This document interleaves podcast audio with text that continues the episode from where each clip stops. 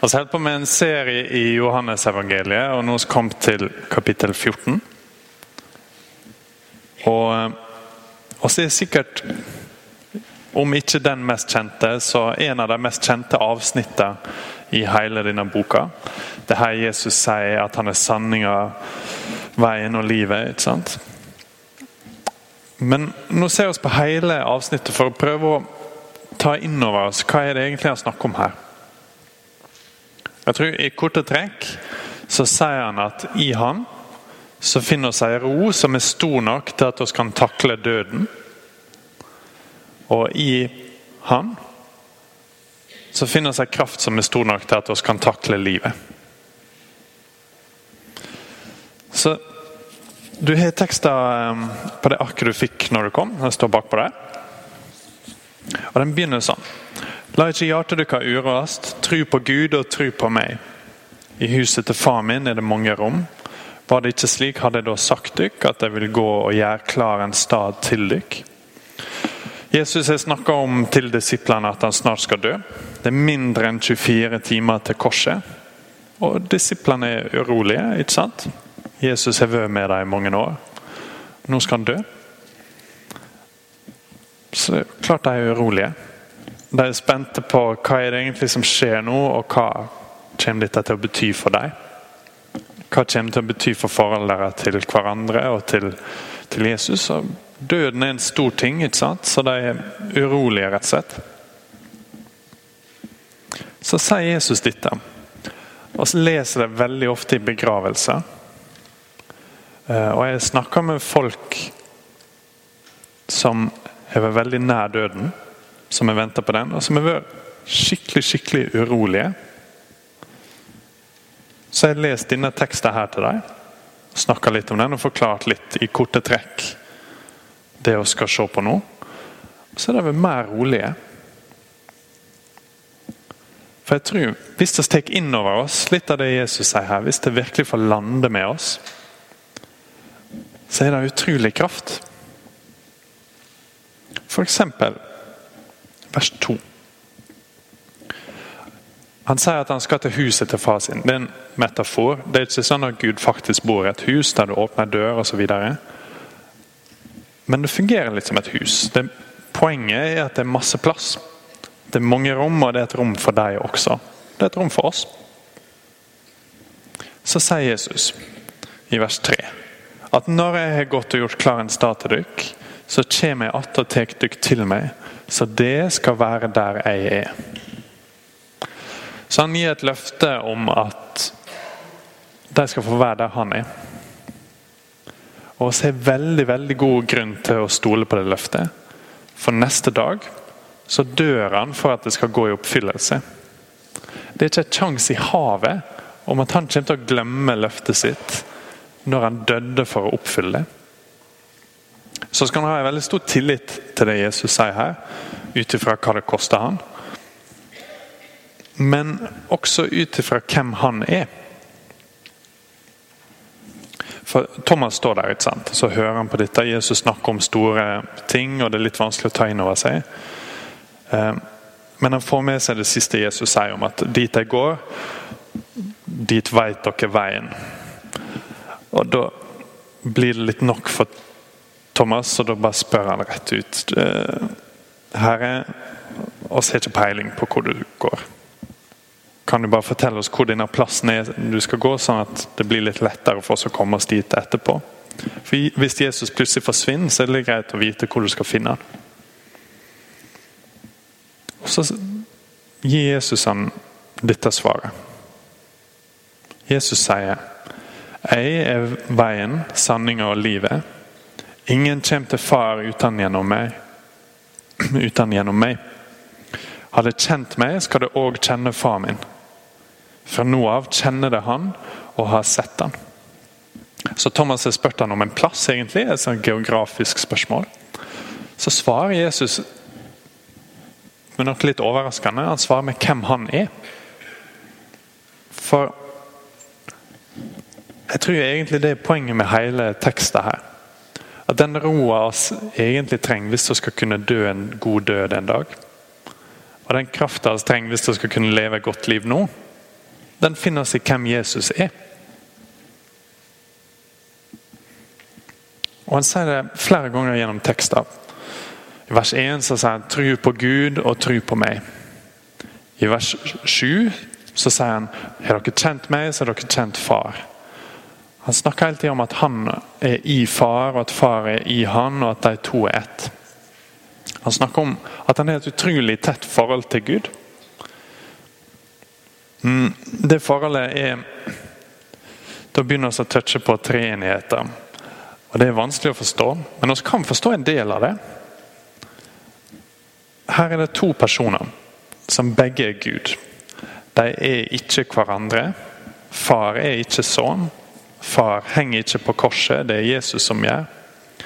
Men likevel så er de så tett i hop at ingen gjør noen gang noe uavhengig av det andre. De er ikke som to-tre venner som bruker masse tid i lag og som er tett knytt. De har vært i lag i all evighet. Og Det går ikke an å se for seg far uten å tenke på sønnen. Det går ikke an å se for seg far og sønn uten å snart tenke på Den hellige ande. Og Hvis vi prøver det, så kommer vi ikke til å forstå dem fullt ut. Og Det er egentlig det Jesus tar oss til her nå. For at vi skal kunne stole på det han sier. Det løftet han akkurat har gitt om at han skal ikke glemme oss. Hvis vi tror på han, så skal vi få komme til, til far. For at vi skal kunne stole på det, så hjelper det å huske på hvem han er. Han er ett med Gud. Han er Gud. Jesus er ett med far. Han er, når han sier at han er veien, så betyr det at han er veien til Gud. Når han sier at han er sannheten, så betyr det at han er sannheten om Gud. Han blir kalt det mange plasser i Bibelen. Og Når han sier at han er livet, så betyr det at han er Gud sitt liv til oss. Uten han så har ikke oss liv. Så Philip har sittet og hørt på dette. Og jeg vet ikke, jeg kan kjenne meg litt igjen i Philip. For du hører noe, du forstår at det er stort, men det er litt vanskelig å forstå. Så da føler jeg behov for å si noe som høres åndelig ut. Hvis Jesus er til stede, så er påtatt åndelighet den dårligste ideen du kan komme på. Hør på dette. Philip sier ham å, Herre, syn oss Far, det er nok for oss. Akkurat motsatt av det. Han gått glipp av hele poenget. Og Jesus svarer åh, nå har jeg vært med dere så lang tid, og du har ikke forstått noe. Du kjenner ikke meg, og du forstår ikke greia her. Og Det går an å forstå han, ikke sant? Det er ganske store ting. Men Jesus har få timer igjen. Han må få forklart deg dette. Og han, han, jobber hardt på det. Så han, han sier det en gang til. Han sier Tror du ikke at jeg er i far og far i meg? De ord jeg taler til dere, har jeg ikke fra meg sjøl. Det er far som er i meg og gjør sine gjerninger. Det er ingen avstand mellom Jesus og far. Det er ikke sånn at oss kan kjenne Jesus, og så er det et komplett mysterium for oss hvem far er. For den ene viser oss uendelig masse om den andre. Og sånn som vi snakket om i stad, Det er umulig å vite alt om far uten å kjenne sønnen fullt ut. Og motsatt.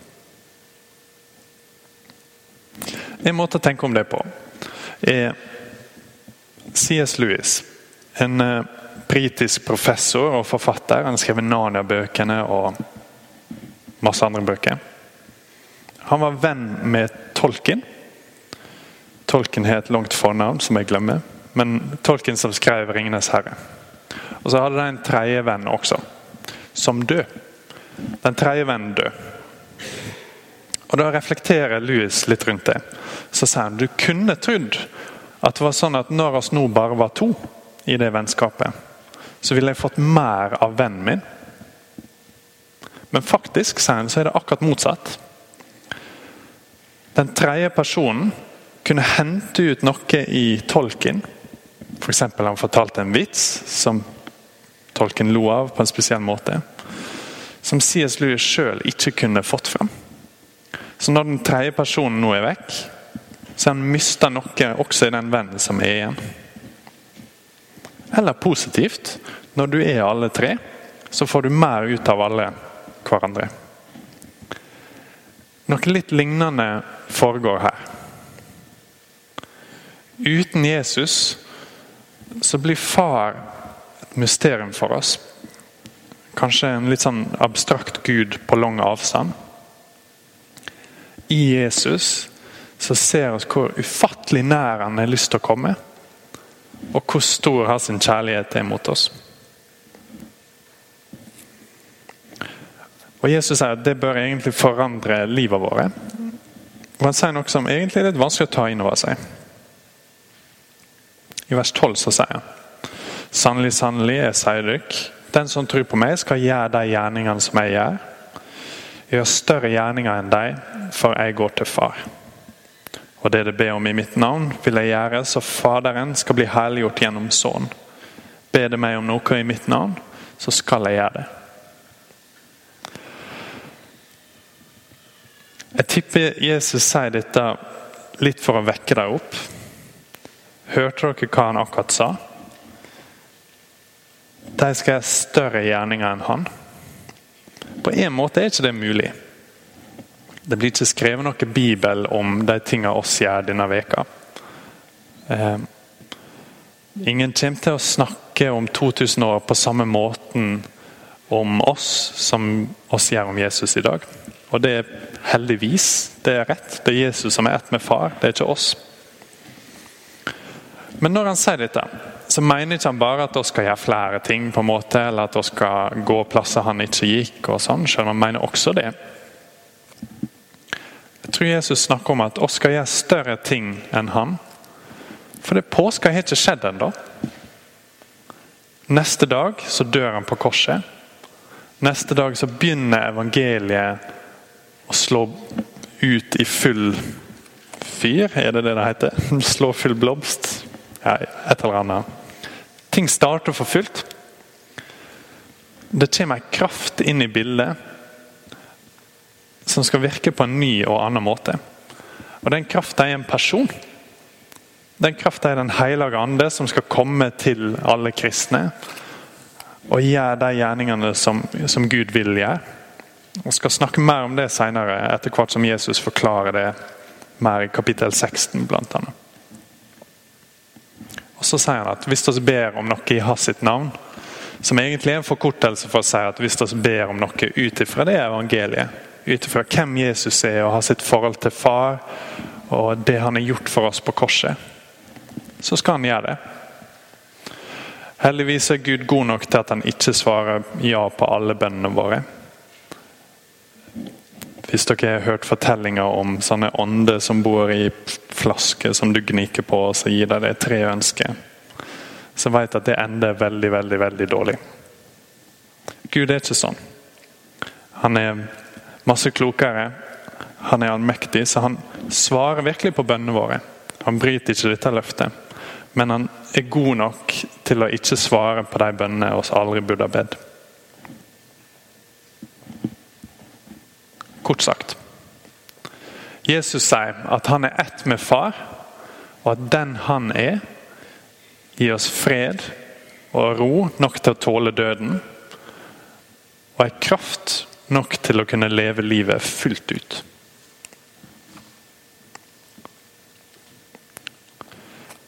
Kjære far, oss ber om at oss skal i løpet av livet vårt få ta inn over oss mer og mer av hvem Jesus er kunne forstå mer av hans enhet med deg.